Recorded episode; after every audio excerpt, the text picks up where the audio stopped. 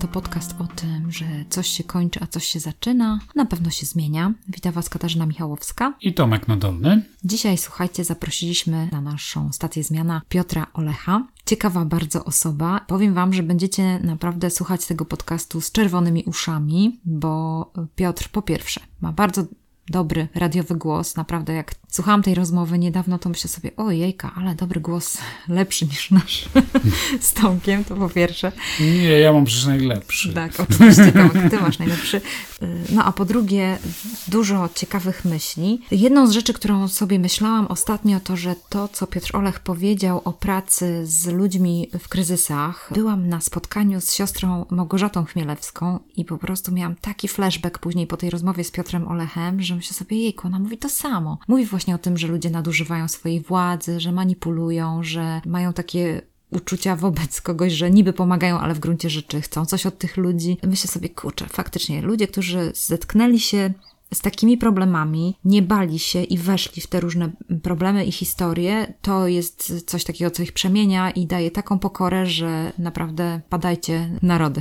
No nie, żeby pomagać prawdziwie i też z poszanowaniem innej osoby, to trzeba samemu mieć wypracowane pewne rzeczy, trzeba to sobie przepracować, trzeba mieć z czego czerpać, czyli trzeba mieć to źródełko w sobie. Dla mnie z kolei Piotr po tym, po tej rozmowie, ja ją bardzo długo w sobie, ona we mnie dojrzewała, fermentowała jak wino. Bardzo długo ją przeżywałem, ale też wiem już z jakiego powodu. Piotr to był taki dyrektor w urzędzie, jak kiedy ja pracowałem pracowałem w urzędzie z tak zwanej mojej bandy. Ja bym ją tak dzisiaj nazwał. Po pierwsze mojej, dlatego że wydawało mi się, że się rozumiemy na takim podstawowym, na podstawowym poziomie, że przyszliśmy do urzędu, żeby zmieniać świat na lepszy. Że to był nasz główny drive możliwości, jakie daje praca bycia dyrektorem w urzędzie, że masz realny wpływ na zmianę rzeczywistości. On miał inne narzędzia, zupełnie inny temperament, bardzo mądry człowiek, ale też słowo moje to jedno, a drugie to moja banda, bo to jest wojownik. To zresztą usłyszycie.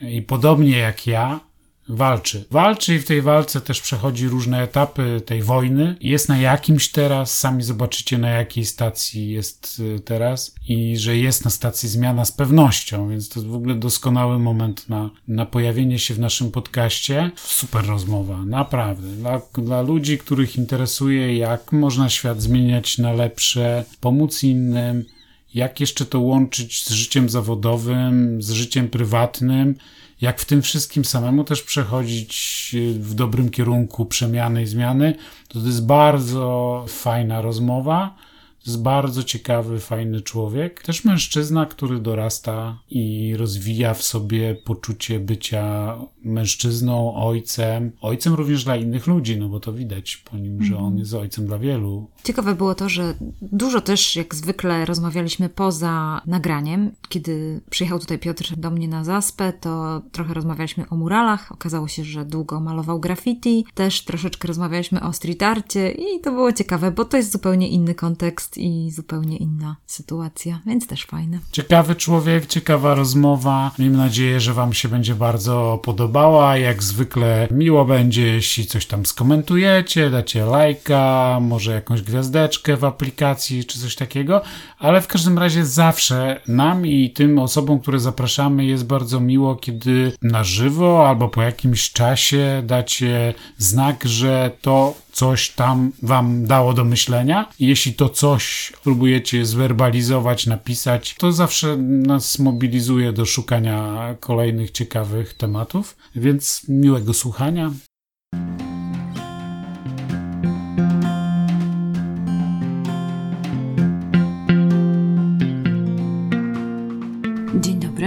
Witamy Was na stacji Zmiana. Witam Was Katarzyna Michałowska i Tomek Nadolny oraz nasz gość Piotr Olech i poprosimy go, żeby nam się przedstawił, więc poznamy go trochę lepiej. Tak, nazywam się Piotr Olech. No właśnie ta najtrudniejsza część, czyli przedstawienie się. No mam już prawie 40 lat, z czego pewnie od zdecydowanej większości życia jestem pomagaczem. Tak chyba się bym zdefiniował. Najstarszy w rodzinie właśnie, z jeszcze dodatkowo trójką rodzeństwa, dźwigający tam wiele kłopotów, wyzwań, problemów. Tak więc jakaś taka ścieżka życiowa. Z wykształcenia jestem pracownikiem socjalnym, socjologiem. Przez kawał życia, w sumie zawodowego, ten czas poświęcony na zmaganie się z poważnymi problemami społecznymi. Najpierw zajmowałem się bezdomnością bardzo długo, potem wykluczeniem społecznym, bezrobociem, wspieraniem słabszych. Ostatni czas e, pracowałem w Urzędzie Miasta w Gdańsku, gdzie Podejmowałem też trudne zagadnienia związane z migracjami, z uchodźstwem, e, z równością, z dyskryminacją, tak więc można powiedzieć taki zestaw hardkorowych tematów. Z takich pasji, zainteresowań młodości zajmowałem się graffiti tak dość intensywnie. Potem był taki czas zajmowania się sportami, sztukami walki. To jest w sumie pasja do teraz, e, cały czas, ale oczywiście gdzieś tam malarstwo, literatura, muzyka jakoś towarzyszy cały czas i od jakiegoś czasu też moją moją pasją stała się motoryzacja. Tak jak powiedziałeś, że jesteś pomagaczem, że jesteś dźwigaczem i zajmujesz się trudnymi problemami społecznymi, to jak myślisz teraz, jak jesteś w takim momencie życia, tak jak nam mówiłeś też poza mikrofonem, że też w pewnym sensie też może na stacji zmiana się teraz znajdujesz i tam coś sobie układasz? Absolutnie tak. No, no więc dlatego też chcieliśmy Cię zaprosić. Fajne to jest, bo każdy z naszych słuchaczy też jest gdzieś tam na stacji zmiana i to jest ciekawy moment w życiu człowieka, jeżeli mogę tak to nazwać trudne czasami, podgrzane życie. W każdym razie chciałam się Ciebie zapytać, czy masz e, w sobie jeszcze taką pasję, takie myślenie o tym, że te problemy społeczne można jakoś podjąć, że można zmienić? Czy jesteś w tym momencie, kiedy mówisz, że dosyć, koniec? Mam, myślę absolutnie tak. To znaczy, że są problemy społeczne indywidualnie dotykające osoby. Historia wielu przyjaciół, znajomych, osób, klientów, z którymi pracowałem, jakby pokazywała, że zmiana taka pozytywna, niosąca dużą wartość dla nich, czasem ocalająca życie jest możliwa, ale też w wymiarze takim systemowym, globalnym. Tak, ja wierzę, że wiele problemów mogłoby nie istnieć, albo mogłyby zupełnie inaczej przebiegać. Tak na przykład uważam, że problem bezdomności to jest problem do rozwiązania. Wiele innych problemów społecznych, nie tyle można nimi zarządzać, tak jak robimy to w tej chwili, ale można je naprawdę sukcesywnie, skutecznie rozwiązywać. I to dotyczy różnych zagadnień, od e, uzależnień, braku pracy, zaburzeń psychicznych, bezdomność. Wiele kwestii trudnych dla mm, społeczeństw zachodnich, dla cywilizacji zachodnich jest to rozwiązanie. Mm, bardzo optymistyczne. Piotr, powiedz mi od razu takie jedno pierwsze pytanie i wiem, że od razu ludzie to mają w głowie. Skąd w ogóle się bierze to, że ktoś staje się bezdomny? To jest konsekwencja i taki postępujący proces na pewno zmiany. To jest jakieś kontinuum, które no, nasze życie niesie. Pewnie w warunkach polskich można powiedzieć, że jest jakiś tam schemat, e, który dotyka szczególnie mężczyzn, bo bezdomności doświadczają przede wszystkim mężczyźni w 80-85%. I jak popatrzymy sobie na historię, znam tych historii pewnie kilkaset, to gdzieś tam coś je bardzo często łączy. Łączy je trudne, toksyczne relacje w rodzinie. Bardzo często te historie bardzo mocno zahaczają o życie instytucjonalne wcześniej, czasem domy dziecka. Trudne trudne towarzystwo, trudne dorastanie. Bardzo często w tych losach gdzieś przeplata się zakład karny, zakład poprawczy, areszt. Bardzo często ten rys taki polski to jest też życie w grupie. Czasem hotele robotnicze, no trudności w nawiązaniu takich zdrowych, dobrych relacji, budowania miłości, relacji z dziećmi, powielenia też błędów. Bardzo często w tych losach, szczególnie mężczyzn, się pojawia przemoc, agresja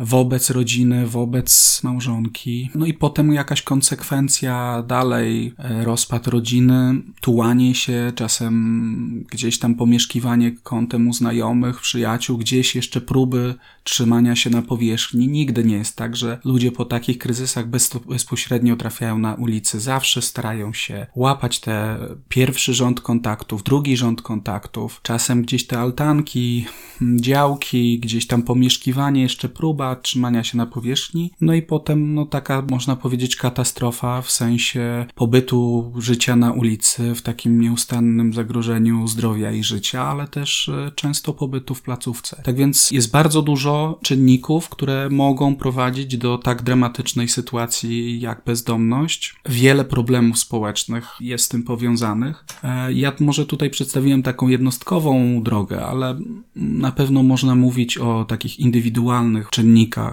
można mówić o społecznych czynnikach, takich jak no właśnie bezrobocie, uzależnienia, różne wątki, ale jest też trochę takich przyczyn, które systemowo czy strukturalnie prowadzą do bezdomności. Nasza w Polsce trudna sytuacja mieszkaniowa, ona sprzyja po prostu wchodzeniu w bezdomność, zagrożeniu. Na przykład brak czasem rozwiązań czy dobrych rozwiązań w systemie wsparcia dla dzieci w pieczy zastępczej. Takich dzieci, które są w domach dla dziecka. Niewydolny system wspierania ofiar przemocy, osób doznających, doświadczających przemocy, to bardzo często prowadzi do bezdomności. Tak więc są różne te ścieżki, trochę inne dla kobiet, trochę inne dla mężczyzn. Ja powiedziałem trochę o takiej stereotypowej, takiej większościowej, która się pojawia. Natomiast w różnych krajach jest też inaczej. Ja bym powiedział o Skandynawii, gdzie bardzo wyraźny rys jest na przykład w grupie marynarzy. Oni przez całe życie pływają na statkach, mają bardzo nikły kontakt z, z własnymi rodzinami, wracają często po tych e, podróżach i kompletnie nie potrafią się odnaleźć. Natomiast w Stanach Zjednoczonych jest bardzo wyraźny rys bezdomności weteranów wojennych e, i w ogóle wojskowych, którzy żyją, zwróćmy uwagę na to, bardzo często też z jakąś przeszłością własną w instytucjach, czyli w przestrzeni, która nie jest naturalna, ma charakter totalny czyli bardzo często z domów dla dzieci, zakładów karnych, z różnych takich zakonów mm. osoby trafiają do wojska, czyli to jest jakby przedłużenie funkcjonowania w jakby totalnych instytucjach i ta bezdomność trafia w związku z traumą wojenną, z doświadczeniami, ale też nieumiejętnością życia w takim otwartym, normalnym społeczeństwie. Czyli można też powiedzieć, że bardzo ważnym czynnikiem dla bezdomności jest też instytucjonalizacja, życie w instytucjach, które no nie mają naturalnych, normalnych e, reguł. No powodują rozproszenie odpowiedzialności i tak dalej, i tak dalej. Hmm, czyli taki efekt śnieżnej kuli, że to się tak nawarstwia, nawarstwia. Też e, ostatnio rozmawialiśmy z Tomkiem o kredytach, że często kiedy ludzie wchodzą w tą pułapkę kredytową, to tak to właśnie wygląda, że jeden kredyt, później następny, Absolutnie następny tak. i po prostu jest taka kula śnieżna. I... To jest coś, co jeżeli rozmawiamy o bezdomności, to w tej chwili widzimy zdecydowanie więcej takich sytuacji, takich niestereotypowych jak dotychczas. Coraz więcej osób trafia bezdomność ze względu na spiralę zadłużenia i to bardzo poważnego. Gdzieś dług spłacany jest kolejnym długiem, w przypadku bezdomności jest to o tyle jeszcze bardziej skomplikowane, że bardzo często mamy do czynienia z nieformalnymi długami, tak więc e, zapożyczeniami w miejscach, w których normalnie nie pożyczamy pieniędzy. Mhm. I to wiąże się też z większą trudnością wyjścia na prostą. Z kolei te formalne długi bardzo często mają charakter alimentacyjny. To są najtrudniejsze długi, one wymagają innego też podejścia, innego przepracowania i one też e, są, powiedziałbym, największą barierą barierą albo jedną z największych barier wyjścia z bezdomności, bo jeżeli e, ten dług urasta do kilkudziesięciu tysięcy złotych w przypadku osób, które no, mają bardzo słabą sytuację dochodową, mhm. to perspektywa czy zasadność ekonomiczna podejmowania trudów wyjścia z bezdomności, uzyskania pracy, zwyczajnie się nie kalkuluje, nie opłaca. Tak więc lepiej jest żyć w tej przestrzeni jakby takiej nieformalnej ekonomii, zarabiać nielegalnie, pracować na czarno, zajmować się zbieractwem, czasem żebractwem, niż wyjść na, na, na wolny rynek i spodziewać się tego, że komornik mi zabierze dużą część tego mojego wynagrodzenia, a resztę zabierze mi system pomocy, który w sytuacji, kiedy przekraczam określone kryteria dochodowe. Tak więc wiele osób w bezdomności mówi, niektórzy się złoszczą, mówią o ludziach roszczeniowych, takich, którzy nie chcą, ale to są bardzo racjonalne, ekonomiczne decyzje ludzkie, za którymi stoi no, poważny rachunek zysków i strat. Tak więc to, co każdy z nas robi, I dopóki e, rachunek zysków i strat się nie równoważy, ludzie nie będą podejmować trudów wyjścia z bezdomności, jeśli się urządzili w tym systemie jakoś, nie? To znaczy zaadoptowali się do niego, czują się już w miarę bezpiecznie, a właśnie samodzielność, czy wyjście z bezdomności, czy podjęcie zatrudnienia, to jest właśnie utrata bezpieczeństwa. Fajnie, że to ty sam już poruszyłeś ten temat takiej i motywacji i tego w sumie racjonalności w tym wszystkim. Mam do ciebie takie pytanie. Ja nie znam kilkuset historii tego typu, ale kilka znam całkiem dobrze i wydaje mi się, że każdego z nas może to dotyczyć że jakby nie ma ludzi, którzy mogą powiedzieć, jestem od tego bezpieczny, albo moje dzieci są od tego bezpieczne, moja rodzina jest od tego bezpieczna. Nie ma ludzi, którzy mogliby z czystym sumieniem, z pogardą spojrzeć na ludzi na przykład żebrzących na ulicy, bo jak się wejdzie w tę historię i czasami dobrze reportaże poczytać, bo komuś się chciało wejść w tę historię, jak się wejdzie w tę historię, to za nimi zwykle taka banalność, banalność małych kroczków i schodzenia w dół po stopniach, hmm. które na początku wszystko jeszcze wydawało się kontrolowaną sytuacją i w pewnym momencie następuje ten ślisk taki, z którego jakby wygląda, że ktoś już nie ma wyjścia. Ktoś tłumaczy, dlaczego jego egzystencja na ławce jest lepsza niż jakikolwiek inny wybór, jaki ma w tej chwili do, do, do wybrania. Powiedz mi, czy, czy tak nie jest przypadkiem, że każdemu z nas jednak grozi bezdomność, ale w jakimś takim sensie, że właściwie jak widzisz bezdomnego, czy osobę, która jest nałogowym alkoholikiem, do tego stopnia, że to już zupełnie zakłóciło jego normalną egzystencję. Czy jednak nie jest gdzieś tym dzwonek alarmowy, że jednak każdego z nas może to spotkać? I drugie pytanie, które chciałem, czy jest prawdą, że szansa wyjścia takiej osoby z tej sytuacji, z tego zaklętego kręgu, na ogół jest duża wtedy, kiedy chociaż jedna osoba znacząca jest gotowa pomóc? Czyli chociaż ktoś jeszcze z rodziny albo ze sąsiadów, babcia, daleki kuzyn, jest jeszcze ktoś, kto ci raz jeden jeszcze zaufa, uwierzy. Słyszałem, że to jest jednak kluczowe i że to jest w tych historiach też się przeplata zawsze dawny ksiądz katecheta. Niby ktoś bliski, daleki, ale ktoś, kto jest znaczącą osobą. Jeżeli chodzi o tą pierwszą rzecz, to z pewnością praca w ogóle z ludźmi, ona buduje w nas pokorę. To znaczy praca z ludźmi w kryzysie, w bardzo trudnych sytuacjach, ekstremalnych sytuacjach na pewno buduje pokorę. Dla tej świadomości właśnie wykonywania małych kroczków i rzeczy, które potem jak domek z kart się sypią,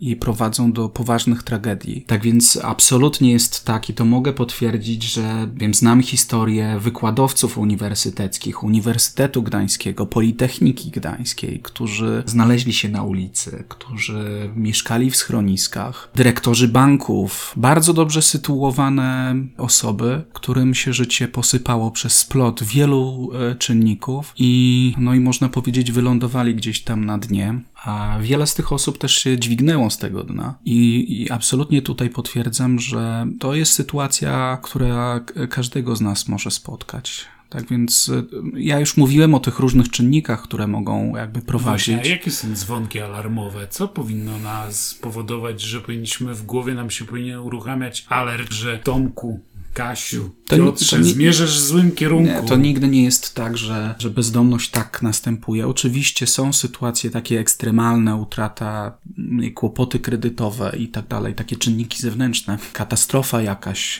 która może doprowadzić do tego, ale to są ekstrema. W większości wypadków właśnie z takimi skrajnymi, trudnymi sytuacjami nigdy nie jest tak, że tak zapala się zaraz lampka i możemy powiedzieć, o, to jest to to jest właśnie splot e, też wielu lat, które pracują często na tą bezdomność. Jeżeli myślimy o o takich e, lampkach, które się nam zapalają, to ja bym powiedział, że w przypadku mężczyzn, facetów, to są rozwalone związki, rozwalone rodziny. Wiele takich sytuacji znam i to jest coś, co się przejawia i to jest właśnie taki banał tej bezdomności, że wielu facetów po latach mówi, że no trzasnęłem drzwiami, zezłościłem się i po prostu odszedłem, tak? Albo ona odeszła. I to jest taki wyróżnik wielu historii, że to jest taki, taka cenzura Właśnie walnięcie drzwiami, zamknięcie wszystkich relacji. To jest coś, co powinno nam zapalać lampkę. I w moim życiu, także osobistym, zwracam uwagę na to, kiedy mamy siłę na przepracowanie problemów rodzinnych, kiedy mamy otwartość i gotowość skorzystania z pomocy zewnętrznej, mediatorów, psychologa, terapeuty, do tego, żeby zastanowić się, czy moje rozwalone życie osobiste nie doprowadzi mnie w konsekwencji do jakiejś trudniejszej sytuacji. Nie zawsze to oczywiście tak jest, ale w wielu tych historiach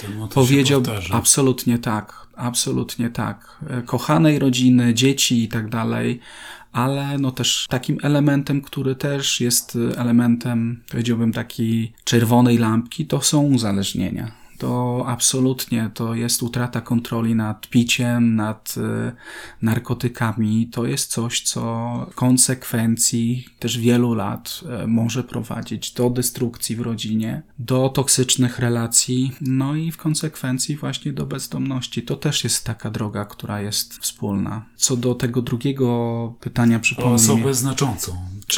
Absolutnie się zgadzam. To znaczy, to wiele zależy od tego, co system wsparcia ma do zaoferowania. Jeżeli system wsparcia w Polsce ma jednak charakter taki interwencyjny, my ratujemy zdrowie i życie bardzo często osób bezdomnych, a mamy mało do zaoferowania w perspektywie wyjścia, to z pewnością, jak popatrzymy na te historie sukcesów, to bardzo często znajduje się w tych historiach jedna osoba kluczowa, która uwierzyła, dała nadzieję i tak dalej. W przypadku mężczyzn to są bardzo często kobiety, które pomagają, wspierają, towarzyszą. Czasem to jest pielęgniarka, czasem to jest jakaś znajoma z pracy, czasem to jest inna osoba w trudnej też sytuacji, czasem na terapii się rodzą miłości e, i w przypadku osób bezdomnych na pewno e, to jest ważny czynnik. On te, czasem też potrafi być destrukcyjny w przypadku kobiet, które doświadczają e, problemu bezdomności, były w toksycznych, trudnych e, relacjach, często przemocowych. Poszukiwanie nowego partnera wydaje się najlepszym sposobem na wyjście z problemu, a w praktyce się okazuje na powtarzania i wchodzenia często jeszcze trudniejsze relacje, e, bardziej toksyczne, bardziej problemowe i coś, co się wydawało jakąś iskierką w tunelu,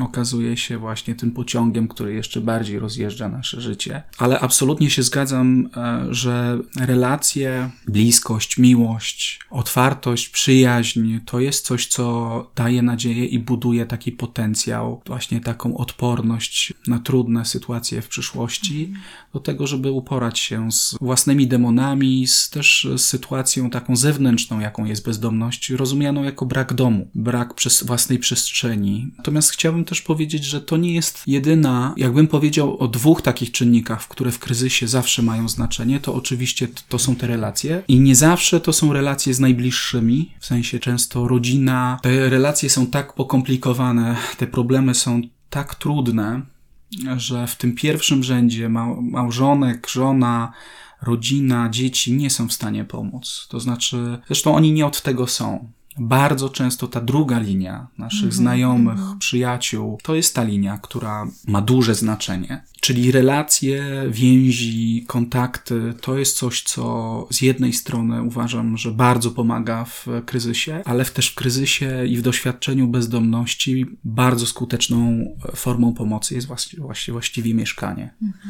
To znaczy, możliwe jest rozwiązywanie problemu bezdomności poprzez zapewnianie mieszkań, poprzez pomoc środowiskową. Nie pomoc w instytucjach, ale wspieranie ludzi w mieszkaniach do tego, żeby właśnie odbudowywali się, odbudowywali własne relacje. Czyli nie zawsze jest tak, że warunkiem koniecznym jest to, że ktoś nam naprawdę intensywnie pomoże, w sensie takim, że najpierw jest ta relacja, a potem jest cała droga wyjścia. Czasem postawienie człowieka bezpośrednio z ulicy w mieszkaniu, bezpośrednio z placówki e, w mieszkaniu, no zupełnie inną jakość życia buduje. Otwiera na zupełnie nowe rzeczy. Są bardzo takie ciekawe badania nad programami najpierw mieszkanie w Stanach Zjednoczonych. To jest taki przewrót kopernikowy, powiedziałbym, w całym systemie pomocy i rozwiązywania problemu bezdomności. Pierwsze takie programy były w 1992 roku w Nowym Jorku. Teraz e, można powiedzieć stało się paradygmatem pomagania,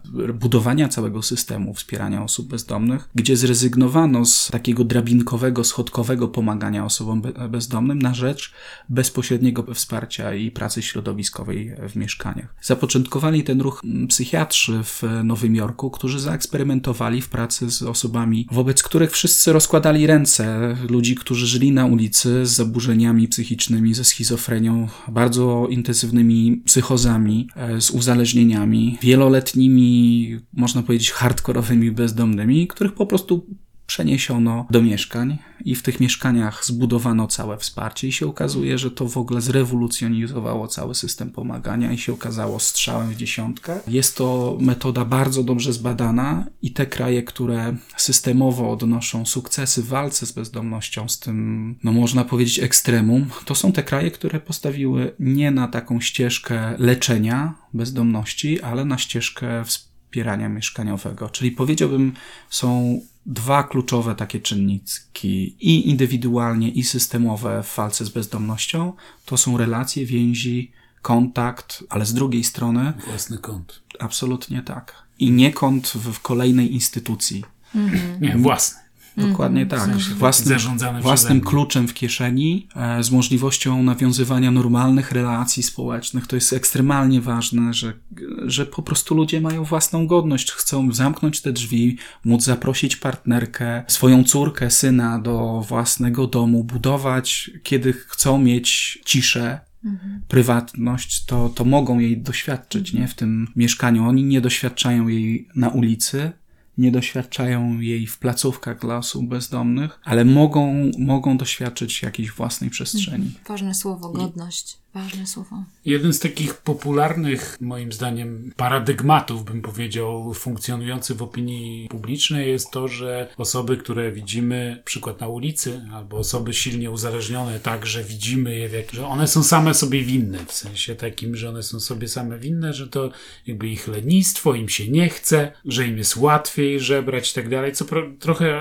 pośrednio odpowiedziałeś, bo pewnie nie ma jednej odpowiedzi, Aczkolwiek Twoja odpowiedź, że wśród życiorysów, które spotkałeś, były też osoby, które w takim uznawany zdobyły sukces, a jednak mimo to im się później poślizgnęła noga, no to to jest, wydaje mi się, już odpowiedź na, na pytanie, którego już dalej nie będę tutaj zadawał, ale jest drugie takim, drugi taki funkcjonuje mit, że pieniądze wyrzucane na pomoc społeczną, że one są wyrzucane właśnie, że one są na darmo, że one nic nie pomagają, że to jest tylko finansowanie wyrzutów sumienia, wsparcie systemowe, że coś takiego nie istnieje, że to są decyzje indywidualne i tak dalej, i tak dalej. Myślę, że ostatnie lata wiele razy musiałeś z tego typu na takim poziomie jakby politycznym, czy poglądów, czy jakby wielokrotnie musiałeś się z tym spotykać, z takimi poglądami, a z drugiej strony twoja praca zawodowa polegała właśnie na tworzeniu takiego systemu. I czy mógłbyś powiedzieć, czy system jest ważny, jaka jest rola w tym nasza, czy wspierania tego systemu, co, po co właściwie jest system, nie? Opieki, po co jest tam takie jakieś wydziały w urzędach, które się, po co są te mopry? Ja, ja odpowiem trochę na okrętkę. Ja widzę to, co obecnie współcześnie się dzieje w Polsce, ale nie tylko w Polsce, ale weźmy przykład Polski, jako pewną taką zmianę, taki switch kulturowy. I moim zdaniem my przechodzimy taką transformację od społeczeństwa silnie klanowego, plemiennego do takiego społeczeństwa zindywidualizowanego. Oczywiście możemy się zastanawiać, czy obecne zmiany takie polityczne, społeczne, kulturowe nie są trochę odwrotem. Natomiast y, na takiej skali jakby rozwoju kulturowego, gdzie z jednej strony mamy te społeczeństwa takie parte na rodzinie, na więziach, relacjach, ale bardzo często też na patologiach plemiennych, klanowych. I, i tutaj mamy pewnie te silnie takie relacyjne kultury, z drugiej strony mamy kultury bardzo indywidualistyczne i myślę, że Amerykanie czy Skandynawowie są takim przykładem, gdzie się buduje na indywidualności, ale też buduje się silnie na instytucjach, na procedurach, na prawie i tak dalej. I jak popatrzymy takiej ciągłości, to po przemianach ustrojowych ta polska kultura bardzo sięgała w, w, kierunku tej indywidualistycznej 60 nawet 70%. I w związku z tym, że idziemy jak, jako społeczeństwo też w takim kierunku, to coraz mniej w kryzysach, coraz mniejsze znaczenie mają właśnie te relacje plemienne, kulturowe i tak dalej. Bo jak popatrzymy bardzo często na te społeczeństwa, kultury, takie silnie plemienne, takie pierwotnie, to można powiedzieć, że tam bezdomność albo w ogóle się nie pojawia. I tak na przykład jest ze społeczeństwami, nie wiem, w Chinach, japońskimi i tak dalej. Generalnie w tych kulturach bezdomność prawie w ogóle nie występuje. Albo z drugiej strony bezdomność występuje na skalę masową, bo jak popatrzymy na często kraje afrykańskie, Ameryka Południowa, niektóre państwa Azji, to jakby rozwój społeczno-ekonomiczny jest tak niski, że w gruncie rzeczy bezdomność ma charakter masowy, prawda? Można by powiedzieć, że bieda, wykluczenie no jest tak duża, że nawet się bezdomności nie definiuje jako problem. Natomiast z drugiej strony mamy wysoko rozwinięte społeczeństwa, kultury, w których ta bezdomność się pojawia jako jaskrawy margines od pewnych norm przyjętych.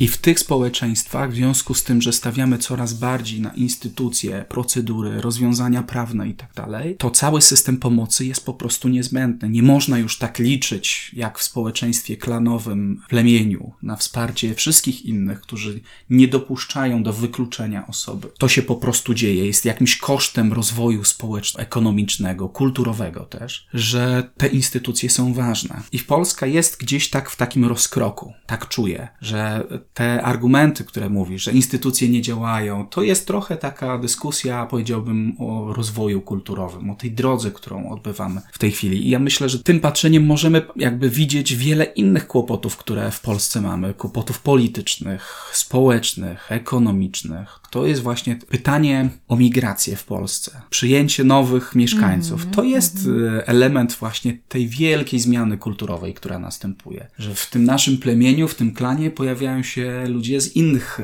plemion. Mówimy o uchodźcach, mówimy o inności w ogóle. społeczności mhm. ukraińskiej, mówimy, która jest taka nie aż tak Absolutnie. Mówimy inna, o osobach niepełnosprawnych, mówimy o gejach, lesbijkach, mówimy o osobach transseksualnych. To zawsze w tym plemieniu, w klanie... Jest skłonność do urówniałki, czyli Absolutnie do takiego tak. zmuszania Absolutnie ludzi, tak. żeby pewne normy nie przekraczali.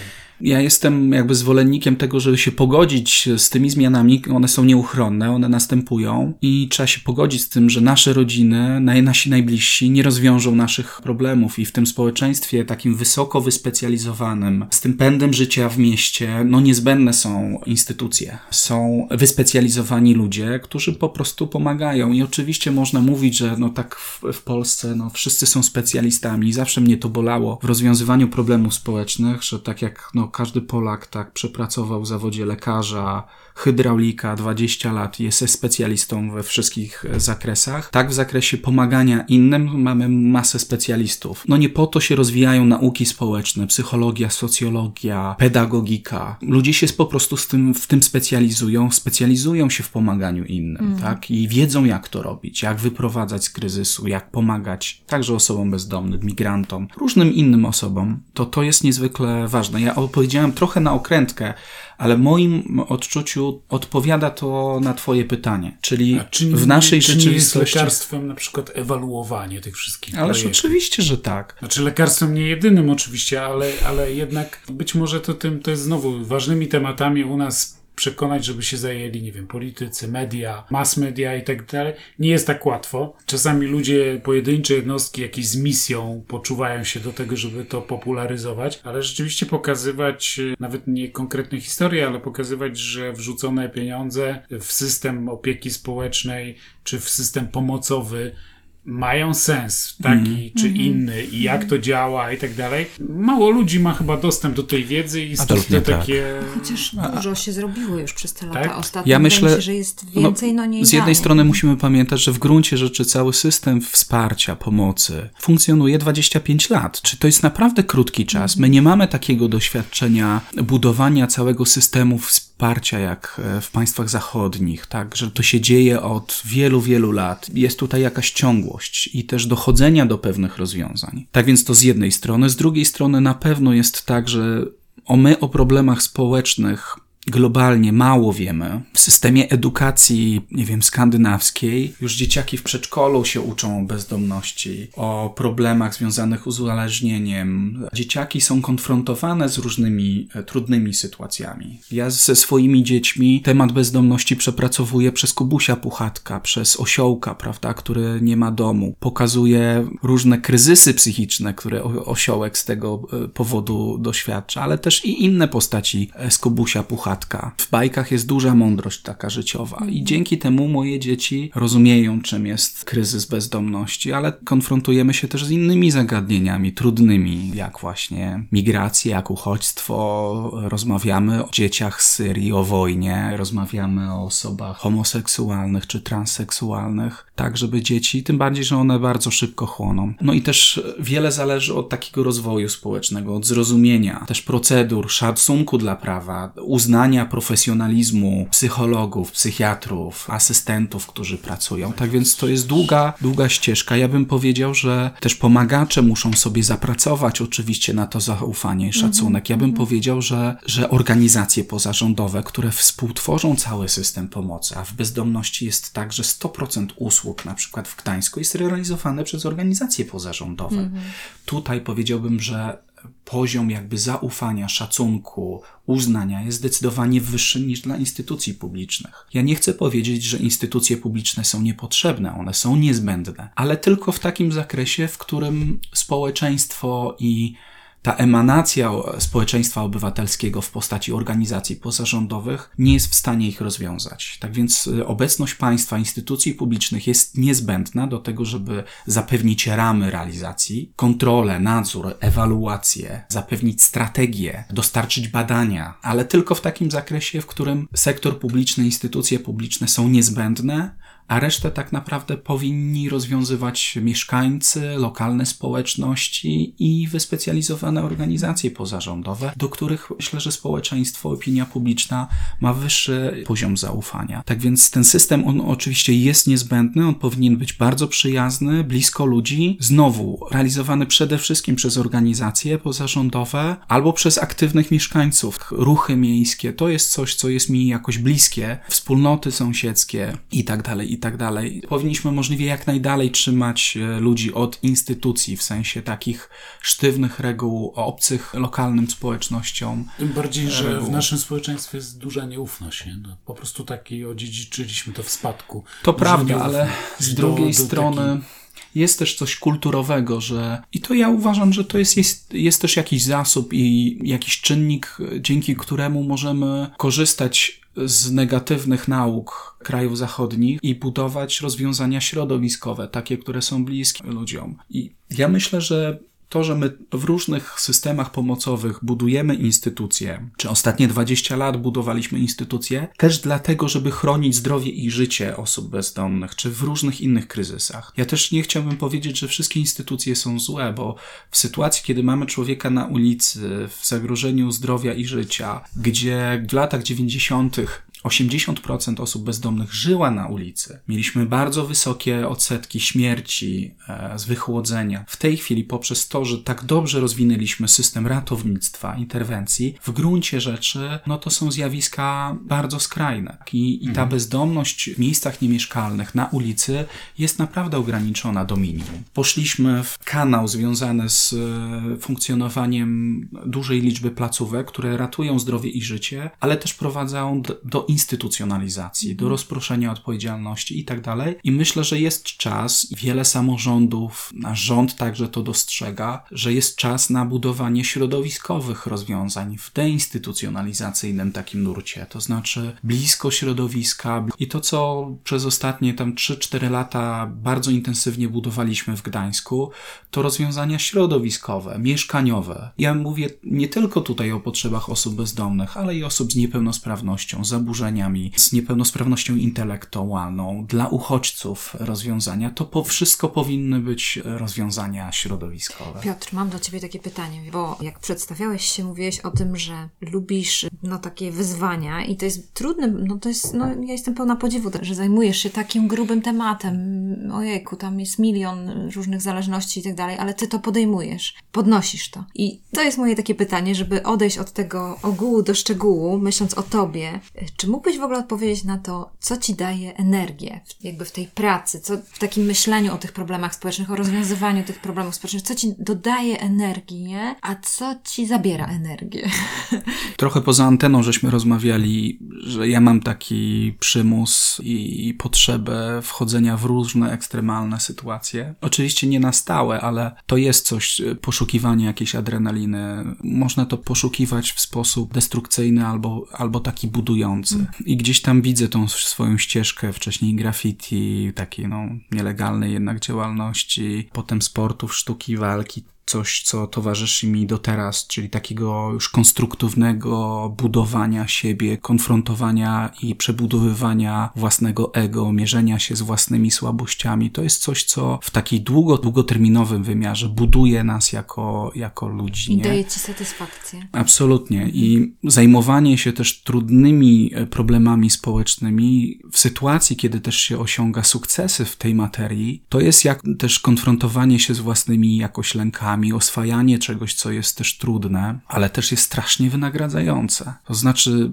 siła, power, który daje wyjście z jakiejś trudnej sytuacji, pomoc innym, buduje no strasznie nas jako, jako ludzi. Bardzo często oczywiście jest tak, że to wymaga pokory, wielu lat, buduje w nas jakąś cierpliwość, ale to jest coś, co naprawdę wynagradza. Pracowałem przez ostatnie niemal 4 lata w urzędzie miejskim i to, co dawało mi naj, największą satysfakcję, satysfakcję i teraz uważam za największy sukces, no to uruchomienie konkretnych programów mieszkaniowych. Ludzie wychodzili z domów pomocy społecznej, wychodzili ze środowiskowych domów, jakichś instytucji, wychodzili z ulicy, wchodzili w własną przestrzeń mieszkaniową. Nie? To, no to jest coś, co buduje naprawdę mm -hmm. w nas. Mm -hmm. Ale no w związku z tym, że ja też wychowywałem się w dużej rodzinie, byłem najstarszy, zawsze pomagałem innym i byłem tym pomagaczem od zawsze, to jest coś, coś we mnie, to mm -hmm. jest mhm. jakiś przymus wewnętrzny wewnętrzny i ono oczywiście buduje moją jakąś rolę osobistą, zawodową. Pomagaczem jest się w całym życiu, to znaczy mhm. zawsze jest się nastawionym na relacje, na ciekawość innego, a wtedy no jakby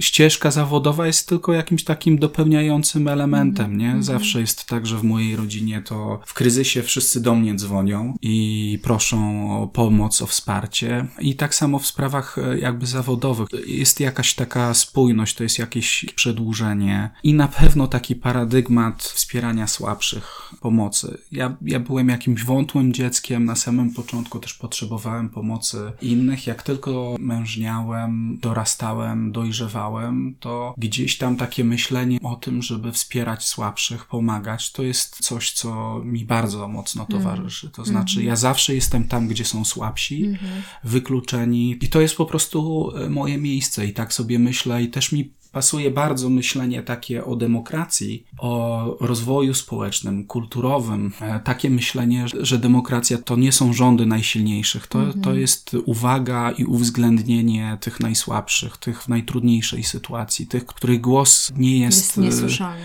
I zawsze myślałem o sobie jakimś takim przekaźniku, transmiterze, jeżeli pracowałem już nad rozwiązaniami systemowymi, to żeby ponieść ten głos dalej, takich wykluczonych, marginalizowanych, właśnie często obarczonych jakimś stereotypem. O ile na przykład w urzędzie się zajmowałem innymi już tematami, na przykład tematem migracji, uchodźstwa, tematem równości, dyskryminacji, to to doświadczenie pracy w e, ekstremalnie trudnych sytuacjach bezdomności bardzo mi pomogło. To dla mnie to była jakaś, jakaś konsekwencja przedłużenia tej pracy i tej spójności. Tak więc to, to bym powiedział, daje wielki napęd. To mhm. jest jakaś wielka, witalna siła do życia osoby osobistego. No ale to są też takie rzeczy, które bardzo mocno pomagają w wychowywaniu dzieci, do towarzyszenia dzieciom w rozwoju, budowania też rodziny. To są rzeczy, które załatwiają nam też, e, czy mój background zawodowy bardzo pomaga w życiu też osobistym. Pozwól, że zgadnę, bo jak mówisz o tym, to myślę sobie, co może Piotra wypalać? Myślę, że może cię wypalać przepracowanie.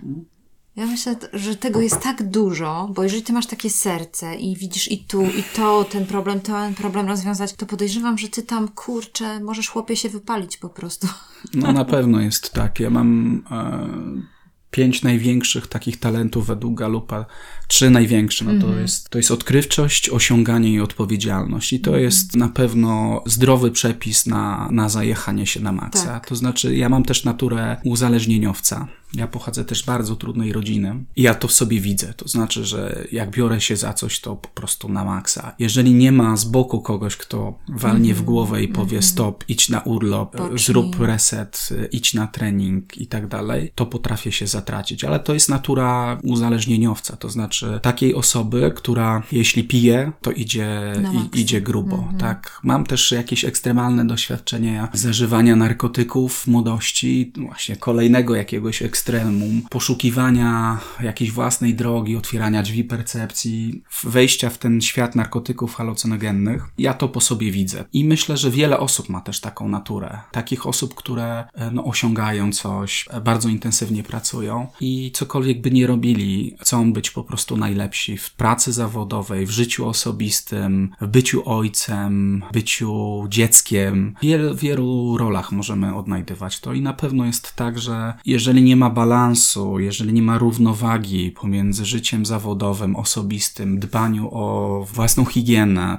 o odstresowanie się, własny rozwój, też rozwój intelektualny, nie ma takiego wczucia się też w siebie, to oczywiście jest to, jest to, powiedziałaś o tym sercu, ja też, ja, ja nie czuję po tylu latach, dla mnie, słyszę to oczywiście o, czasem, ta- taki głos o sercu, o miłosierdziu i tak dalej. Ja do tego też bardzo mocno racjonalnie podchodzę i ja wiem, że może to być tak odbierane, ale ja, ja tego tak nie czuję. To znaczy, ja też czuję, że w, w interesie nas wszystkich, jako społeczeństwo, jest to, żeby te problemy nasze społeczne były jak, jak, jak najmniejsze i, i Czyli w taki, w taki, racjonalna strategia. ja, ja, ja do tego oczywiście gdzieś jest taki, jest duży po, poziom empatii, zrozumienia i tak dalej dla ludzi i bez tego oczywiście się nie da. Mówiłeś o tych stereotypach, o tych stygmatach. Myślę, że każdy z nas, jeżeli ma kontakt z samym sobą, wejdzie w, w swoją ścieżkę życiową, to zobaczy różne kryzysy, które mogą nas doprowadzić. W naszym najbliższym otoczeniu, jak się rozejrzymy, to zobaczymy. I oczywiście możemy pozostać na takim płaskim, powiedział, powierzchownym ocenie, tak? On pije, bo, bo mu się tak chce.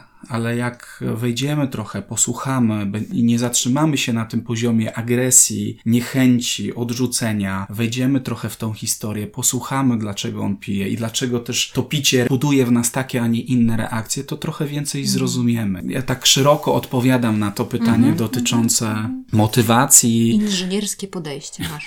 Pi- Piotr, a powiedz mi, bo ja myślę, że słuchacze już wiedzą, dlaczego cię zaprosiliśmy.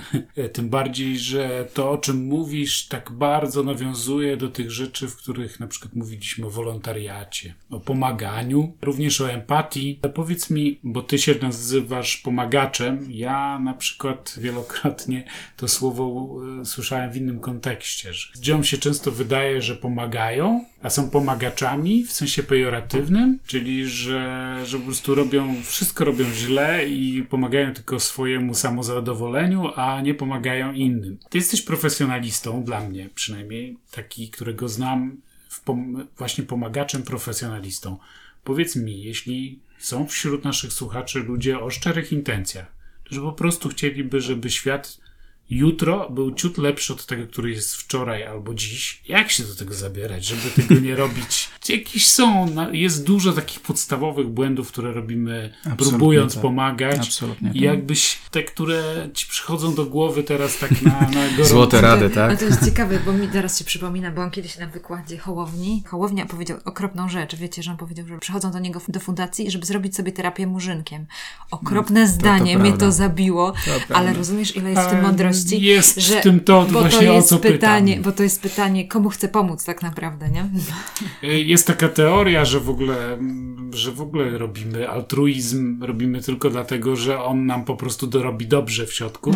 E, Jest jedna taka z teorii społecznych. Absolutnie. E, Ale jakbyś ty się odniósł, Tylko, jak że- je, je, że, znaczy ostatecznie tutaj ja bym się nie skupiał na intencjach, bo intencje bywają różne, różne. i często sobie ich nie uświadamiamy, ale Tak. chodziło mi bardziej o to, Dzisiaj mamy świat, jaki mamy. On wcale nie jest wbrew pozorom taki zły, jak się nam wydaje. E, Dużo już rzeczy osiągnęliśmy. Między innymi jeśli chodzi o głód, bezdomność i tego typu e, rzeczy.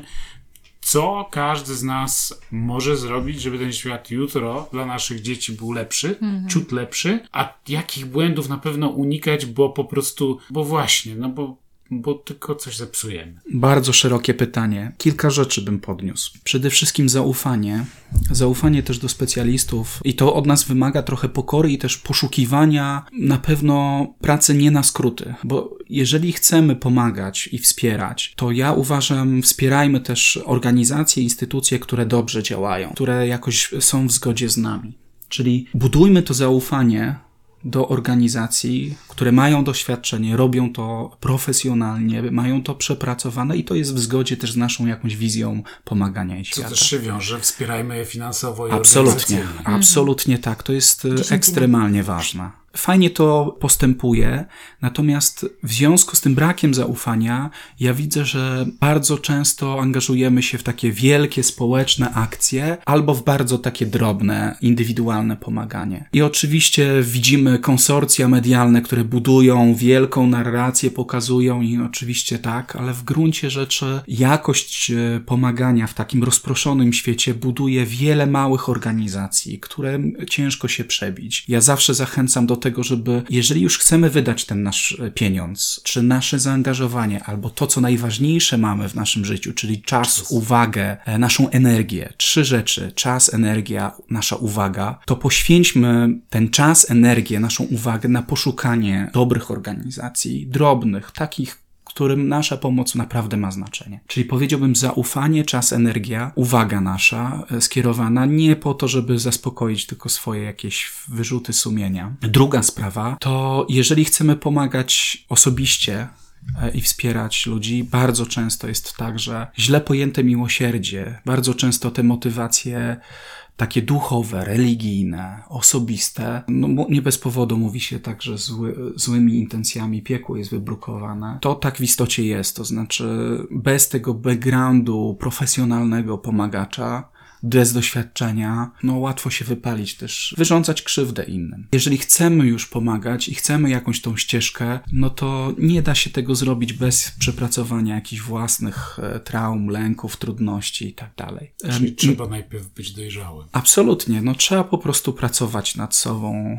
być uważnym, rozwijać, sięgać po pomoc innych. Jak, jak popatrzymy na ścieżkę, nie wiem, terapeutów, to bardzo często oni są we własnej terapii, korzystają ze wsparcia superwizorów i tak dalej, i tak dalej, żeby być czujnym. Pomaganie też jest bardzo, bardzo taki tricky, to się mówi, czyli takie, nie wiem jak to prze... Zwodnicze, można tak to przetłumaczyć. Zaskakujące. Bo ono na pewno buduje nas jako, jako ludzi, ale też ma związek z relacją władzy. I zawsze, kiedy relacja władzy, pomagania, bycia w nadrzędnej jakiejś roli, no to jest właśnie bardzo taka cienka granica, cienka czerwona linia, którą łatwo przekroczyć. To znaczy brać odpowiedzialność za kogoś i tak dalej, i tak dalej. Zwłaszcza kiedy temu komuś dajemy lub odcinamy jakieś zasoby. I w Polsce, kiedy bardzo często my też my- myślimy kategoriami charyzmatycznych, wielkich liderów, wielkich pomagaczy, typu Kotański, typu Samson, wiecie, wielcy jacyś terapeuci, psychologowie, wielcy pomagacze, to przy takim myśleniu takich wielkich liderów po- w pomaganiu łatwo się też pogubić. To znaczy, że ta relacja władzy, też miłości własnej, próżności potrafi pomagaczy zgubić. I ja za każdym razem staram się być czujny, jako też osoba, która wspiera inne organizacje. Przekazuję własne osobiste pieniądze też na, oprócz tego, że robię to zawodowo, to też z żoną osobiście wspieramy organizacje. To jestem bardzo mocno wyczulony na tak zwanych tych charyzmatycznych, wielkich liderów, pięknych, fantastycznych mówców, a raczej szukam takich mniej spektakularnych, pokornych, szukających, korzystających ze wsparcia innych też liderów. Często nie potrafią też się sprzedawać. I... Absolutnie, absolutnie tak. Ja nie chcę powiedzieć, że ci najwięksi nasi pomagacze, jak Owsiak, Ochojska i tak dalej, ale od nich czuć to ciepło i też taką gotowość do mierzenia się z samym sobą. Integralność. Mhm. Absolutnie mhm. tak. Czyli ta druga rzecz, o której chciałem powiedzieć, to taka praca nad sobą, i szukajmy tego też w innych pomagaczach, bo to jest zawsze w kryzysie się mówi, że powinniśmy słuchać siebie, własnego ciała, własnej intuicji. Kiedy doświadczamy jakichś sytuacji granicznych, zagrożenia, wsłuchajmy się ten nasz organizm. I w pomaganiu jest tak samo. Jeżeli mamy jakąś zajawkę braku ufności, to zwykle jest tak, że to nie jest to, że jeśli nam się zapala ta lampka, że ten pomagacz jest bardzo fajny, bardzo dużo opowiada medialnie i tak dalej, ale coś czujemy, że coś jest nie tak. Ja w, w tej swojej ścieżce pomagania pracy w bezdomności spotkałem się z wieloma hosztaplerami, z wieloma pomagaczami, którzy na zewnątrz miłosierdziu, pomaganiu robili to dobrze, ale budowali często całe systemy zależności, pomagania, opresyjnego systemu wspierania klientów, uzależniania od siebie i tak dalej. I ostatnia rzecz, no, o której bym powiedział, czy trzecia rzecz w tym skomplikowanym, trudnym pytaniu, to w pomaganiu jest zawsze najważniejsza ta druga osoba. To znaczy, mhm. to ona ma mówić nam, czego potrzebuje, to ona ma wybierać ścieżki tej pomocy, z której ona chce skorzystać. To jest właśnie mądrość jakby pomagania, nie brania odpowiedzialności, też mądrość pokora, słuchania, bycia w kontakcie, w relacji, niewyręczania. Zbyt wiele jest takich sytuacji, w których system, my, rodzina przejmuje odpowiedzialność. Mhm. No i ostatnia rzecz, no to jest taka pokora i cierpliwość. To znaczy, bezdomności jest tak, czy w uzależnieniach jest też tak, że uzależnienia to, to często choroba śmiertelna. To oczywiście przychodzi z doświadczeniem. Kilka razy, nie wiem, wizyta na cmentarzu swoich dawnych klientów, e, doświadczenie śmierci, niepowodzenia, bardzo poważnego kryzysu buduje pewnie taką pokorę w nas, też możliwości zmiany. Ale to też jest, ta pokora jest jakąś takim, z jednej strony mechanizmem obronnym, ale z drugiej strony też mówi się takim resilience, takiej odporności w pomaganiu. To znaczy taka pokora i cierpliwość, no, że ja mam wpływ tylko na część e, tej naszej relacji. To znaczy, co ta druga osoba sobie weźmie, co przepracuje, to pozostaje po jej stronie. Ja jako pomagacz, no to jestem tylko od tego, żeby stworzyć warunki, zaproponować różne ścieżki do tego, żeby ta osoba wybrała, co jest jej najbliższe, najlepsze. Czuję w tym, co mówisz, jak mocno te relacje, w których ty pomagałeś, czy pomagasz, czy jesteś pomagaczem, jak to nazywasz, jak one mocno ciebie ukształtowały. Jak wiele ty zawdzięczasz tym wszystkim osobom, również tym, które odwiedzasz na cmentarzu, ale jak one mocno ukształtowały ciebie takim kimś, kim jesteś dzisiaj, że, że jednak, że to jest, co się przeplatało już też w pewnych rozmowach, że ta relacja jest zawsze dwustronna. Czasami nie wiadomo, kto z tego jakby więcej wziął, nabrał. Absolutnie. Ale to, to też nie jest nic złego. To tak, znaczy, że, też, że tak. pomagacze, e, że to jest ich sposób na życie, mój sposób życia, jak i sposób pracy zawodowej. I w tym sensie myślę o tym profesjonalnie. Pod warunkiem, że jestem uważny, czujny, konfrontuję się sam ze sobą, z własnymi jakimiś też demonami, z rzeczami, które jakoś przychodzą. Pewne rzeczy idą wraz z doświadczeniem. Jako młody człowiek, młody pomagacz, wiadomo, chciałem zbawić świat. Widziałem to w, różnych, pewne rzeczy no, wymagają przepracowania. I, I w tym sensie, niezależnie co byśmy robili zawodowo, czy pracujemy w biznesie, czy pomagamy innym, czy zarabiamy, jesteśmy skupieni na zarabianiu pieniędzy, to w tym sensie myślę sobie, że taka praca nad sobą, konfrontowanie się z własnym ego, i to jest coś, co mi bardzo pomagają treningi. Pytaliście, przez kogo pomagać, jak szukać autorytetów, jak szukać wzorców to dla mnie zawsze jest wyznacznikiem, niezależnie kto co robi. Jak patrzę na wykładowcę uniwersyteckiego, świetnego biznesmena czy dobrego polityka, to zawsze patrzę na jego taką rzetelność, spójność wewnętrzną i poszukuję, na ile on jest gotowy wejść w różne trudne sytuacje dla niego, nie? W ekstremalne, gdzie nie szuka komfortu i osiada na laurach, ale nieustannie szuka i konfrontuje się z rzeczywistością. I to jest coś, co treningi sportów walki mi bardzo pomagają. Ja wywodzę się z tradycyjnych sportów walki, gdzie brakowało mi zawsze tej konfrontacji, sparingu, mierzenia się, wyjścia ze strefy komfortu, nie udawania walk, odbywania prawdziwych walk. Moja ścieżka z trad tradycyjnego karate, potem e, w kickboxing, w sporty uderzane, po brazylijskie jiu-jitsu jest właśnie taką ścieżką. W brazylijskim jiu-jitsu na każdym treningu e, mamy sparingi, czyli ja nie wiem, co zrobi przeciwnik. E, po prostu bijemy się. Oczywiście w warunkach bezpiecznych, Chociaż właśnie w takich warunkach, których ja nie wiem. Teraz to jest dla mnie też takie ciekawe doświadczenie po trzech latach, jak wracam na matę. Miałem jakieś wyobrażenie siebie sprzed trzech lat. Moje ciało już nie jest tak przygotowane. Są chłopaki, którzy przez te trzy lata pracowali nad sobą, poszli bardzo wysoko w tym własnym rozwoju. Ja wróciłem, jestem w zupełnie innym miejscu. Mam pewne wyobrażenie o sobie jako zawodniku, jako no, uprawiającym sporty walki. I to jest po prostu druzgocące e, doświadczenie właśnie konfrontacji z własnym ego. Nie bez powodu mówi się, jak wchodzisz na, na matę, wchodzisz na ring do oktagonu, no to to swoje ego musisz zostawić.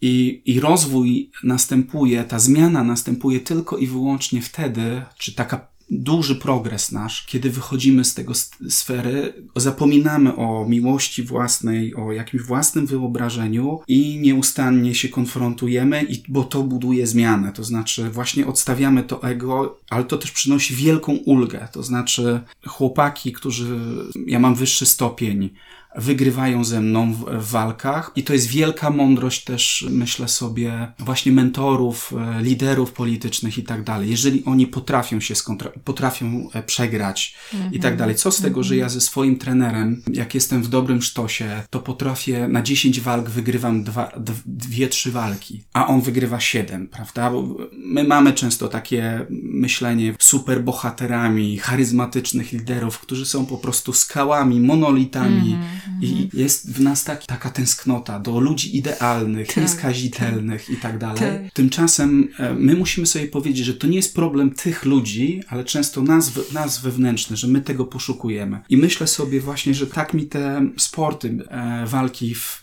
jakoś też e, pasują do, do postrzegania całego świata. Nie?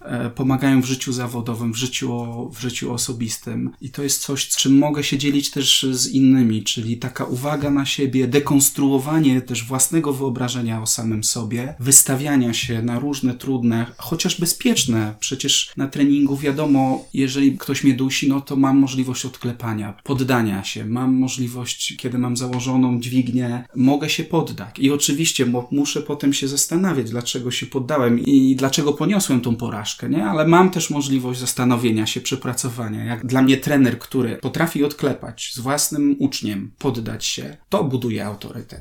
Mhm. Nie buduje e, ten trener, który nie sparuje z zawodnikami, e, unika konfrontacji. To nie buduje dla mnie autorytetu. I, mhm. i, I takie moje podejście do ludzi, którym mnie inspirują, szukam, do polityków, do akademików, do liderów, to jest właśnie takie poszukiwanie. To jest coś, co mnie kręci, co, mhm. co, co jest jakoś interesujące. I jak rozmawiamy teraz, to wiele rzeczy mi się tak, ja je nazywam i na nowo mi się wyświetla. Ja nawet nie, czasem nie mam świadomości tego, że pewne rzeczy mi się tak, taką mhm. kolej układają. Piotr, bardzo Ci dziękujemy za rozmowę. Dziękuję Ci za ten ostatni obraz walki i tego sparingu, bo faktycznie to jest tak jak w życiu i no też z tego powodu ja osobiście bardzo lubię sport i zachęcam naszych słuchaczy do tego, żeby obojętnie w jakim jesteście wieku, to warto, bo jak widzicie, to zawsze jest coś, z czego będziecie czerpać. Dziękuję Ci, Piotr, za, za rozmowę i zachęcam Was do dobrego pomagania, patrzenia, dlaczego pomagacie i komu pomagacie.